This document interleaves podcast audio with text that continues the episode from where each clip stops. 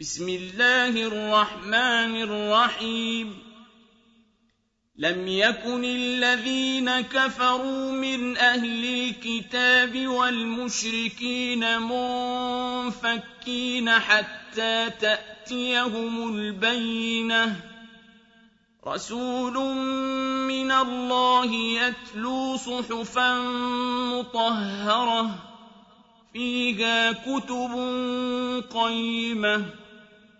وما تفرق الذين اوتوا الكتاب الا من بعد ما جاءتهم البينه وما امروا الا ليعبدوا الله مخلصين له الدين حنفاء ويقيموا الصلاه ويؤتوا الزكاه وذلك دين القيمة.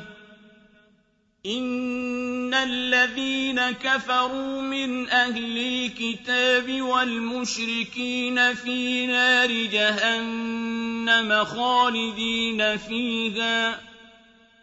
أولئك هم شر البرية. إن الذين آمنوا وعملوا الصالحات أولئك هم خير البرية جزاؤهم عند ربهم جنات عدن تجري من تحتها الأنهار خالدين فيها رضي الله عنهم ورضوا عنه. ذلك لمن خشي ربه.